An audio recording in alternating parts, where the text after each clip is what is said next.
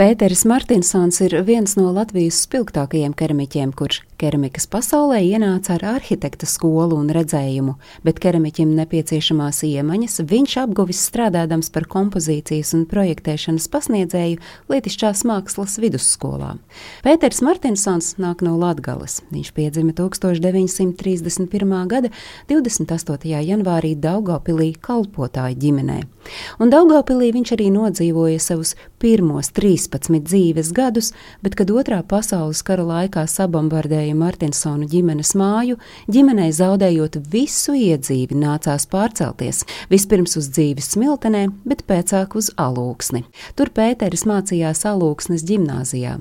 Pēc gimnāzijas absolvēšanas Martinsons iestājās Latvijas valsts universitātes inženierceltniecības fakultātes arhitektūras nodaļā, kur ieguva arhitekta kvalifikāciju. Kad augstskola bija absolvēta, Pēters Martinsons sākotnēji strādāja par inženieru tehnologu zinātniski pētnieciskajā laboratorijā, bet pēc gada projektēšanas institūtā Latgiprogorstroj sāka strādāt kā arhitekts. Tās bija pagājušā gadsimta 50. gadu beigas un 60. sākums, kad tobrīd vēl arhitekts atklāja alpīnismu. Un, lai varētu nodarboties ar savu hobiju, bija nepieciešams garš vasaras brīvlaiks. Tāpēc, lai varētu doties kalnu pārgājienos, Pēters pieņēmis izaicinājumu kļūt par pedagogu, un rezultātā Rīgas lietišķās mākslas vidusskolā viņš nostrādāja teju desmit gadu, un tieši lietišķajos, ciemodamies pie savām kolēģiem, teju aiz neko darīt, sācis nodarboties ar mālu, un gluži vai nejauši 32 gadu vecumā kļuva par keramiķi. Tiesa tā nebūtu, nav nejaušība, ka gaidot panākumus arhitektūrā viņš nokļuva keramikā. Kritiķi gandrīz vienmēr uzsver autora precīzo formas izjūtu, kas ir saistīta ar arhitektūras studiju ietekmi. Sākumā viņam tapa no māla plasta locīti un veidoti darinājumi, svečturi, ziedu trauki, šķīvji, vēlāk radās figurālie darbi - sapņu putni, zirgi un vēlni. Pirmo keramikas izstādi Pēters Martinsons sarīkoja 1964. gadā, un viņa novatoriskie geometrisku formu darbi patiesībā radīja satraukumu latviešu keramiķu vidū, kuri tolaik pārsvarā sekoja etnogrāfiskiem paraugiem.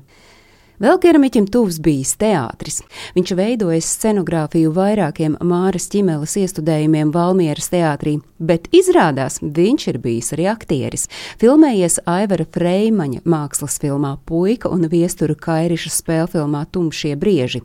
Pētera Martinsona mērķis attiecību spilgti raksturo viņa 70. gadu vidū uzsāktais savdabīgais projekts, kad viņš nolēma zīmēt savdabīgu dienas grāmatu. Proti, katru dienu viņš bija apņēmies uzzīmēt vismaz vienu zīmējumu, un tieši tā arī darījis. Katru rītu pirms iesākt dienu, vēl tā īsti neizkāpis no gultas, zīmējis, tādējādi inteliģenti sagatavojoties dienai, kas nāk un šo apņemšanos nav traucējusi pat lausta roka.